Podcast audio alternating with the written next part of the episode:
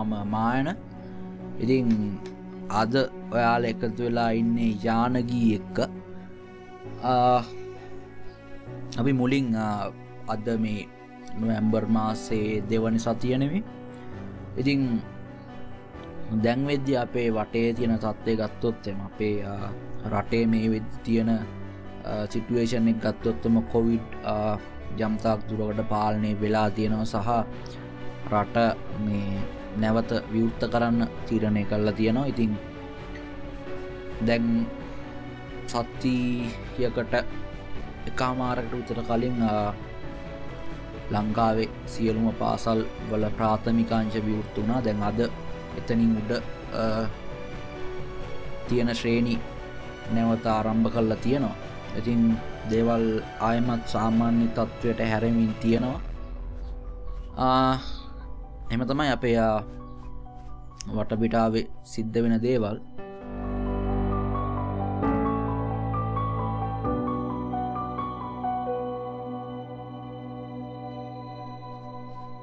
අපේ පොඩ්කාස්ට් එක ගත්තොත්තා කලින් මම එපිසෝඩ් තුනක විතර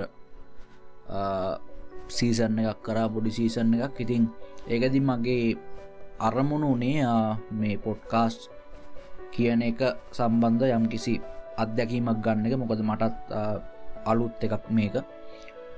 ඉතිං මම හිතුවා නැවත ටිකක් වැඩි කොලිටස් එක්ක ටිකක් කලින්ට වඩා ඇඩ්වාන්ස් සිදියට මේක පටන්ගන්න ඕන කියලා. ඉතින් එක තමයි යා මෙයාලා සම්බන්ධ වෙලා ඉන්න යානගී කියලා.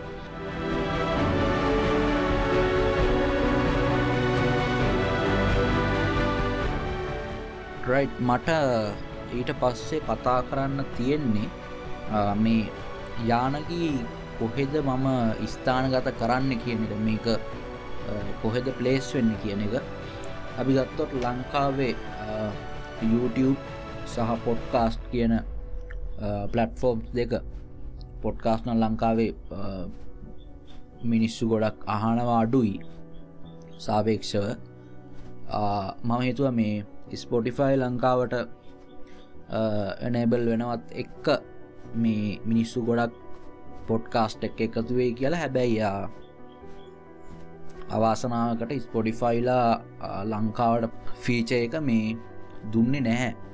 එකහින්ද මේ සමාරට ඉස්සරහට යාලා මේ ලංකාවට එක දේවී. ඉතිං මේ ලංකාවේ එඩියුකේෂන් කෙන කැටගරිය එකේ YouTube සහ පොඩ්කාස්ට් පලටෆෝම්ස් ගත්තොත්තේ මෙමැත් ගොඩක් දුරට කතා වෙන්නේ මේ විශේෂයෙන් සයන්සැන් ටෙක්නොලජි ගැන. ඉතින් මගේ මේ පොඩ්කාස්ට් එක යානගී ස්ථානගත වෙන්නේ ඒ වගේ තැනක නෙමෙයි. සමාජ විද්‍යාවන් කියන ශේෂ්ත්‍රය තමයි මේක. ඒ කැටගරීගේ තමයි මේක මම ස්ථානගත කරන්නේ. ඉතින් අන්න ඒක හින්දා මම හිතුවාද මේ අපේ බිගිනි එකේදී මෙන්න මේ අවුල ලිහා ගන්නේ කියන්නේ මේ කියන ස්වභායක විද්‍යාවන් සහ මේ මම කතා කරන්න යන සමාජ විද්‍යාවන් සම්බන්ධව මේ මේ තියෙන අවුල පොඩ්ඩක් ලිහාගෙන මේකටියක් මේ විෂයන් වර්ග දෙක සම්බන්ධව කලිය කරගෙන අපේ පොඩ්කාස්ට ඉස්සරට රගෙන යන්න ඕනි කියලා. මොකද මේ ස්වභායක විද්‍යාවන් සම්බන්ධ කතා කරනෝ වගේ මේ සමාජ විද්‍යාවන් සම්බන්ධව කතා කරන්න බැහැ. මොදේ ඒ විෂයන් දෙක ගොඩක් දුරට වෙනස්.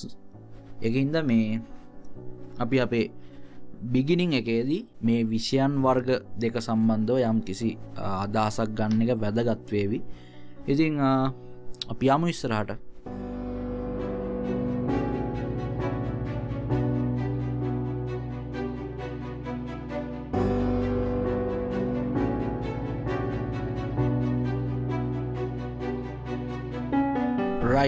අපි පොදුවේ විද්‍යාවක් කියන්නේ කොහොම දෙයක්ද කියන එක බැලුවොත්තම අපිට පුළුවන් හඳුන්වන්න මෙන්න මේ විදිහට. කියන්නේ විද්‍යාවක් කියල කියන්නේ බුද්ධිය හෝ බුද්ධිය සහ අපේ ඉන්ද්‍රිය ප්‍රත්‍යක්ෂය කියන විදි දෙකම හරහා ගොඩනගන ඥාන සම්භාරයකට තමයි අපි විද්‍යාවක් කියලා කියන්නේ පොදුවේ. එකන්න එක්කෝ ඒ අපේ බුද්ධිය හරහා වෙන්න පුළුවන්. එමනත්තම් බුද්ධිය වගේම ඉන්ද්‍රිය ප්‍රත්‍යක්ෂය හරහා වෙන්නත් පුළුවන්. මේ මේ ක්‍රම දෙකින් එකකට සිද්ධ කරන ඥානය ගොඩනැගීමක් තමයි විද්‍යාවක් කියලා අදහස් වෙන්නේ. තකොට මෙතනද විද්‍යාවන් බෙදෙන ප්‍රධාන ප්‍රබේදයන් දෙකත් තමයි මේ සමාජ විද්‍යාවන් සහ ස්වභාවික විද්‍යාවන් කියල කියන්නේ. මෙතනදි ස්වභාවික විද්‍යාවන් යටතට අයිති වෙන රසායනක විද්‍යාව භෞතික විද්‍යාව ජීව විද්‍යාව වගේ දේවල්. රසායන විද්‍යාව ගත්තොත්තෙම ඒකෙදි අධ්‍යයනය කරන්න මේ විශ්වයේ දේවල් රසායනික විදිහට ගොඩ් නැගිල තියෙන්නේ කොහොමද කියන එක. භෞතික විද්‍යාවන් ගත්තොත්තෙන් මේ මේ ලෝකයේ දේවල් භෞතිකව ගොට් නැගිල තියෙන නිසා ක්‍රියාත්මක වෙන්නේ මොන විදිහටද කියන එක තම එතනද අධ්‍යයනය වෙන්නේ. ජීව විද්‍යාවන් ගත්තොත්තම මේ මේ විශ්ව ඇතුළේ මිනිසා ඇතුළු ජීවය නිර්මාණය වෙලා තියෙන්නේ කොහොමද? මොන විදිහටද ඒ වක්‍රියාත්මක වෙන්නේ කියන එක සම්බන්ධව තමයි ජීව විද්‍යාදි කතා වෙන්න. ඉතින් මේ ස්වභායක විද්‍යාවන් ගත්තොත්තෙම මේවා මේ සාකච්ඡා කරන්නේ මේ ලෝකයේ තියෙන ස්වභාවය සම්බන්ධව. කියන්නේ මේ ලෝකය නිර්මාණය වෙලා තියෙන විදිිය සහ ඒවා ක්‍රියාත්මක වෙන විදිිය සම්බන්ධව. අපි උදාහරණයක් ගමු. මිනිස් චින්තනයේ ආරම්භයට අපි කියොත්තේ ගැන් ක්‍රිස්ටපූර් පස්සනිසිය වසේ විතර ග්‍රීසියට අපි කියොත් ඒකොල්ල අතර මේ ලොකු කතා බහක් ඇත්තියමින් තිබුණ මේ පෘතුවිය වටේ සූරයා කැරකෙනවද? එමනැත්තං සූරයා වටේ පෘතුවිය කැරකෙනවද කියන එක. මුලින්ම මිනිස් ඉතිහාසය තිබිච්ච අදහස තමයි මේ පෘතුවිය වටේ සූරය කැරකෙනවා කියලා. දන්නවා ඉයුඩොක්සස්ලා ඇරිස්ටෝටල්ල පවා මේ කිව්වේ මේ පෘතුවිය වටේ සූර්යා කැරකෙනවා කියලා. හැබැයි ඊට පස්සේ නිකලස් කොපානිකස්ක ඉඳලා කෙප්ලලා ඊට පස්සේ ගැලීලියෝ ගැලිලිලා මෙයාලා ඔප්පු කර. අවසාන්නට වෙද්දි මේ පෘතුවිය වටේ සූරය කරකෙන නෙමේ සූරය වටේ තමයි පෘතුවිය කරකෙන්න කියලා. ඉතින් මෙතනදී වෙච්චෙක් ගත්තොත්තෙම මේක ස්වභායක විද්‍යාවන්ට අදාළ ප්‍රශ්නයක්. කියන්නේ සූරයා වටේ පෘතුවිය කරගෙනවද? පෘතුවි වටේ සූරයා කරගෙනොද කියන එක. දැන් මෙතනදී ගවේශණය කරන යම් කිසි එක ස්වභාවික සිදුවීමක් තියෙනවා. එක තමයි පෘතුවිය සහ සූර්යාගේ හැසිරීම. එතකොට දැන් මේ පෘතුවය සහ සූර්යා ඇත්තටම හැසිරෙන විදිහක් තියෙනවා එතකොට මෙන්න මේ ඇත්තටම සිද්ධ වෙනදේ මෙන්න මේ සත්‍යය ලෙසම සිද්ධ වෙනදේ ගවේශණය කරන එක තමයි මේ ස්වභායක විද්‍යාවදි සිද්ධ වෙන්න. එතකොට අන්නේක හින්දා අපි මොන විදිහට හිතුවත් අපිට පුළුවන් හොයාගන්න ඇත්තටම මොකක්ද ස්වභායකව සිද්ධ වෙන්න කියලා. ඒක හින්දා ස්වභායක විද්‍යාවනල්දි හැම වෙලායම සත්‍ය කියල දෙයක් තියෙනවා. එකන්න පෘත් ෘත් එකක් තියෙනවා. මෙන්න මේ සත්‍යය ගවේශණය කිරීම තමයි මේ මේ මේ විශ්වයේ සත්‍යය ගවේශණය කිරීම තමයි මේ ස්වභාග විද්‍යාවන්වලදී සිද්ධ වෙන්න.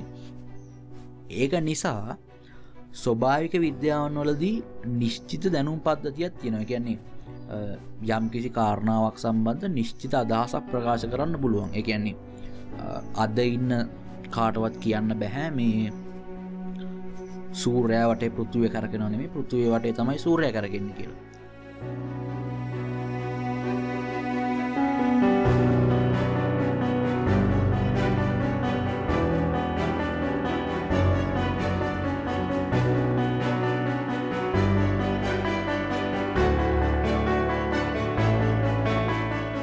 හැබැයි සමාජ විද්‍යාවන්වලට එද්දි ඔන්න ඕක වෙනස් වෙන මොකද සමාජ විද්‍යාවන්වලදී අධ්‍යයනය කරන්නේ ස්වභායක විද්‍යාවන්වලදි වගේ නෙමෙයි මිනිසා විසින් ගොඩනගපු ශේෂ්‍රයන් සම්බන්ධව තමයි සමාජ විද්‍යාවන්වලදි කතා බහ වෙන්නේ. උදාහරණයක් විදිහට දේශපාලන විද්‍යාව සමාජ විද්‍යාව ආර්ථික විද්‍යාව වගේ මේ මිනිසා තමාගේ සමාජය පාලනය කරන්න තමන්ගේ සමාජය හසුරුවා ගන්න නිර්මාණය කරපු විවිධ විෂය පද්ධතියෙන් ගැන තමයි මේ සමාජ විද්‍යාවදී කතාවෙන් එතකොට මේකෙදී අපිට බැහැ මේ නිශ්චිත දැනුමක් කියල එකක් ගොඩන ගන්න කියන්නේ සර්වකාලීන වලංගුවෙන දෙයක් හැම තැනදිම පිළිගන්න පුළුවන් දෙයක් හැම කාලෙදිම පිළිගන්න පුළුවන් දෙයක් ගොඩන ගන්න අපිට බැහැ මොකද මේ මේ මිනිසා ගොඩනගපු විෂයන් හින්ද මේවා මිනිසාත් එක්ක වෙනස් වෙනවා. අපි දන්නවා මිනිස්සු ගත්තොත්තම ඒ මිනිස්සු දෙන්නෙක් අපි කම්පයා කරොත් ඒ දෙන්න එක වගේ නෙමේ තකොට සමාජයක් විදියට ගත්තොත්තම සමාජය අපිට බැහැමේ නිශ්චිතව එක දෙයක්. එකන්නේ සමාජයක් නිශ්චිතව අපිට බැහැමේ අර්ථකථනය කරන්න. තෝට අපි දන්නවා මිනිස් සමාජයේ විවිධ අවදීන් තිබුණ. මුලදිම පැවතුනා ගෝට්ටිකයුගේ.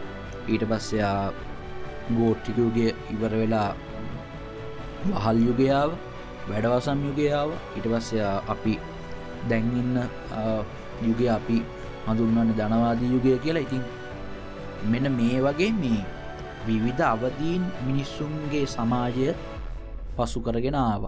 ඉතින් මෙන්න මේ නිසා මේ එක එක සමාජය වලදී මේ මිනිසා විසින් මේ ගොඩ්නග විෂයන් එක එක විදිට හැසිරුණ. උදාහරණයක් විදියට දේශපාලන විද්‍යාව වෙන අපි ගත්තොත්තම ප්‍රධාන ප්‍රශ්නයක් ගමු. දේශපාලනය කියලා කියන්නේ මොකක්ද කියන ප්‍රශ්න ගත්තොත්තෙම මේකට දේශපාලන විද්‍යාව තුළේ හරි අදහසක් නැහැ. දේශපාලන විද්‍යාවේ පියා උනේ ඇරිස්ටෝඩල් ඇරිස්ටෝඩල්ලා පේටොල තමයි මේ දේශපාලනය කියන විෂය ශාස්ත්‍රියව හදාරන්න මේ දේශපාලන විද්‍යාව කියන විෂය ගොඩ නැගුවේ ඉතින් එයාලා මේ ඒ කාලෙ විශ්වාස කරය දේශපාලනය කියල කියන්නේ රාජ්‍ය සහ රාජ්‍ය පාලනය කියන කාරණ සම්බන්ධ දෙයක් කියලා. හැබැයි මැකයා වෙලි වගේ නූතන විද්‍යාතිීන්ගේ කෙනෙක් ගත්තොත්තෙන් මැකයාවේලි කිව්වේ මේ දේශපාලනය කියලා කියන්න බලය සම්බන්ධ කාරණාවක් කියලා. ඉතින් මේ වගේ අර දේශපාලනය කියන දේශපාලනය කියන මොකක්ද කියන ප්‍රශ්නය සම්බන්ධවත් මේ එම හරියට නිශ්චිත අදහසක් ලබා දෙන්න බැහැ. මොකද හේතුව තමයි අර මේ මං කලින් කියපු කාරණාව. මේ ස්වභායක විද්‍යාවන්නලදි හදාරන්නේ මිනිසා විසින් ගොඩ්නගපු දේවල් සම්බන්ධව. ඒවා මිනිසාත් එක්ක වෙනස් වෙනවා. එකින්ද සර්වකාලීනව බලංගුවෙන නිගමන දෙන්න බැහැ මේ ස්වභාක විද්‍යාවල්ල වගේ. දැන් මෙහෙම ගත්තිය නොදැන් ස්වභාවික විද්‍යාවන් ගත්තොත්ත මේ ස්වභාවික විද්‍යාවන් තුළ ඉදිරි පෙළ පරීක්ෂණ අංශයක් තියෙනවා. එක කියන්නේ තවම විද්‍යාව නිශ්චිතව ගවේශණය කල්ලා නැති ශේෂත්‍රයන් තියෙනවා. එකන්නේ උදාහරණයක් අපි ගම්ම මේ ගුරුත්තය සම්බන්ධ නිවටන්ගේ සහ යිස්ටයින්ගේ අදහස්. ඒව ගත්තොත්තෙන් මේ එකකට එකක් වෙනස්. මන් දන්න තරමින් අයිසෙක් නිවටන් කිව්ව ගුරුත්තය කියලා කියන්නේ ස්කන්දයන් දෙයක් අතර ඇතිවන බලයක් කියලා. හැබැයි අයින්ස්ටයින් වගේ කෙනෙක් ගත්තොත්තම එයා කිව්වේ මේ ගුරුත්තය කියල කියන්න කාලාවකාශය සිද්ධ වෙන්න නැවීමක් කියලා. ඉතින් විද්‍යාව තවම මේ නිශ්චිතව දක්කලනෑ මේ දෙන්නගෙන් කවුද නිවැරදි කවුද වැරදි කියන එක සම්බන්ධ ඒ වගේ අර මේ ඉදිරි පැළ පරීක්ෂණ අඩවියක් තියෙනවා. ඉතින් ඒකෙදී යම් නිශ්චිත අදහසක් නැති ගැටලු විද්‍යාව ඇතුළු තියෙන්න්න පුළුවන්. හැබැයි ඊට පිටිපස්සේ විද්‍යා විසින් ගවේශණය කරපු ලොකු විශේෂේෂ්ටයක් තියෙනවා. ඒ වගෙදී විද්‍යාව හොයාගත්ත දෙවල් ආය වෙනස් වෙන නෑ ඒවා ස්තිරයි විද්‍යාව සත්‍යය සොයාගෙන තියෙනවා. හැබැයි සමාජ විද්‍යානල්ද අර මම කලින් මේ පැහැදිලි කරාවගේ සත්‍ය කියල දෙයක් අපිට මේ හොයන්න බැහැ.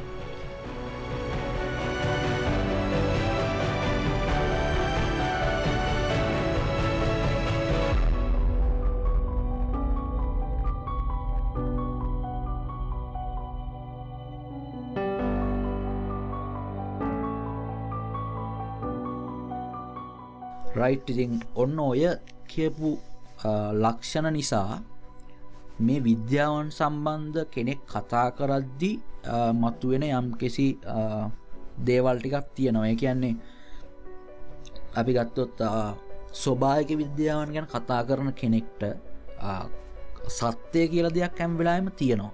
තකොට එයාට තියෙන්නේ ඒ සත්‍යය හොයාගෙන එක අධ්‍යයනය කළ තේරුම් අරගෙන ඒක සම්බන්ධ කතා කරන එක. හැබැයි සමාජ විද්‍යාවන් ගැන කතා කරද්දි බෙන්න මේ තත්ත්ේ වෙනස් වෙනවා.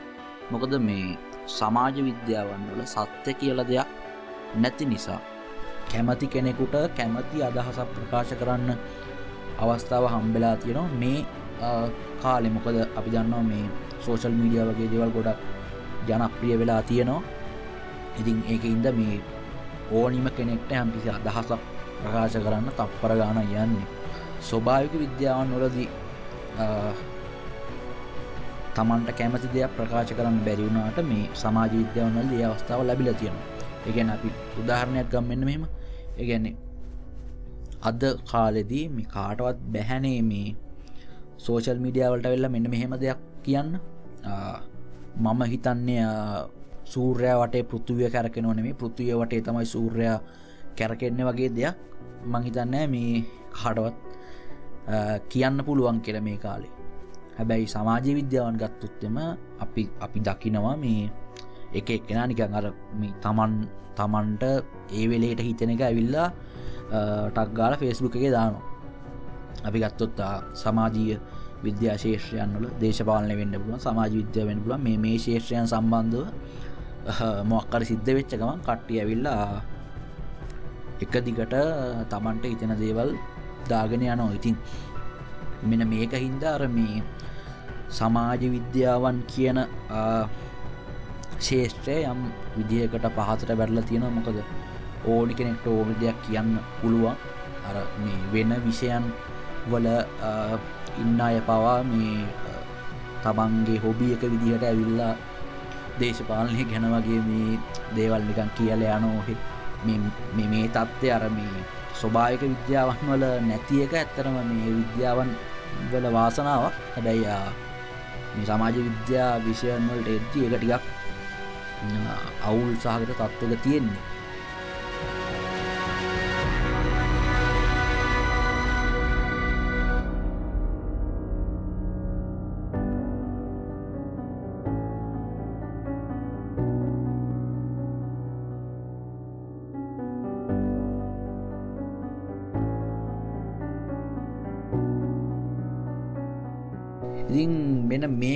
තමයි මම හිතුවයා යානගේ මෙතෙන්ට ප්ලේස් කරන්න. කියන්නේ සමාජීය විද්‍යාවන් සම්බන්ධයෙන් කතා කරන තැනක් විදිහට.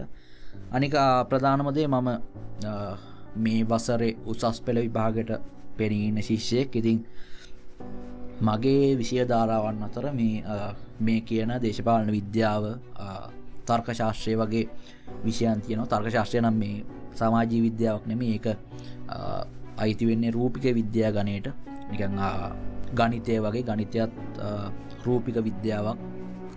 ඉතින් මම ශාස්ත්‍රීයව අධ්‍යයනය කරන විෂයන් මේ වහින්ට මංහිතුවා ඒ සම්බන්ධව කතා කරන්න. ඉතින් ඔයාලත් මම හිතනවා ඔයාල්ටත් අදාළ වෙයි කියලා මේ දේශපාලනය වගේ විසියක් මොකද අපි දන්නවා අපේ ජීවිතයට කොච්චර දුරට දේශපාලනය කියන එක බලපානවද කියන එක. සහ ලංකාවේ මිනිස්සු ගත්තුත් එම යාලගේ දේශපාලනය පිළිවන්තින දැනුම මහිතන්න එච්චර හොඳ මට්ටමක තියනෝ කියලා. ගැන්නේ එක එක රැලියනවා අපිට පේනවා. දේශපාලනික ප්‍රපංචයන් ගැන එක එක මේ කාලෙට එක එක රැලියනවා කට්ටිය ඒවත් එක්ක යනවා. ඒම පේන වුණට දේශපාලනය කියන එක සම්බන්ධ කවුරුත්තා සීරියස් මේ කාලෙ කතා කරනවා දකින්න අඩුයි. ඉතින් ඒකහින්ද මම යානගී පලේස් කරන්න යන්න එතන. මට මූලික විදිහට අද මේ බිගිනිං එකේදී කතා කරන්න ඕනුනේ අන්න ඒක සම්බන්ධව යානගී කොතන්ද පලේස්සෙන සහ මේ මේ සමාජ විද්‍යාවන් වල තියෙන විශේෂත්වය මොකක්ද අරකත් එක්ක මේ ස්වභායක් විද්‍යාවනුත් එක්ක කියන එක. ඉතින් අන්න එක හින්ද මේ මේ සමාජ විද්‍යාවන් ගැන කතා කරද්දි මම උපරිම උත්සාහ කරනවා නිකං මගේ හිතට එන දේවල් කියලදාන්න නැතුව මේ මේ විෂයන් සම්බන්ධව කොහොමද යම් කිසි ශාස්ත්‍රිය මට්ටමේ අදහසක් ගොඩ්නගා ගන්න කියලා.